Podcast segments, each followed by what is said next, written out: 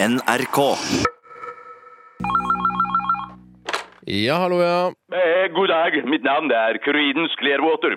Jeg er sikkerhetsansvarlig i NRK. Ja, du hørte riktig. I NRK.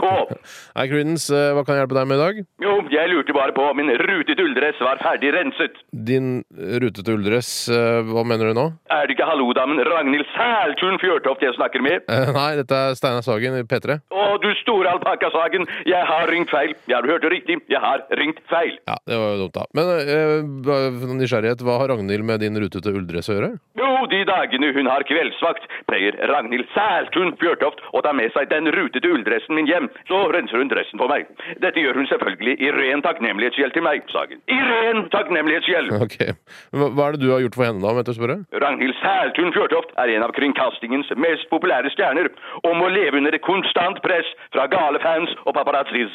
Du aner ikke hvilket apparat jeg som sikkerhetsansvarlig i NRK må stable på beina bare for at Ragnhild Sæltun Fjørtoft skal ut og spise middag sammen med Christian Borch på Big Horn-sagen. På Big Horn! Jeg, Jeg visste ikke at det var noe mellom eh, Ragnhild Sæltun Fjørtoft og Christian Borch. jeg. Men dra meg nå langsomt i Reddiken-saken. Jeg har da vel aldri sagt at det var noe mellom de to. Aldri!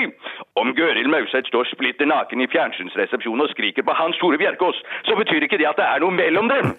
det der hadde jeg ikke fått med meg. Nå, det skjer så mye her i NRK-saken. Det er ikke mulig å få med seg alt. Nei, jeg skjønner. Ja, bare for noen dager siden fikk Tore på sporet Strømøy en kraftig pils skutt inn i låret sitt mens han satt på kontoret. Jeg ble straks satt på saken og fant raskt ut at pilen kom fra der ingen skulle tru, nemlig Oddgeir Bruasets gamle armbrøst.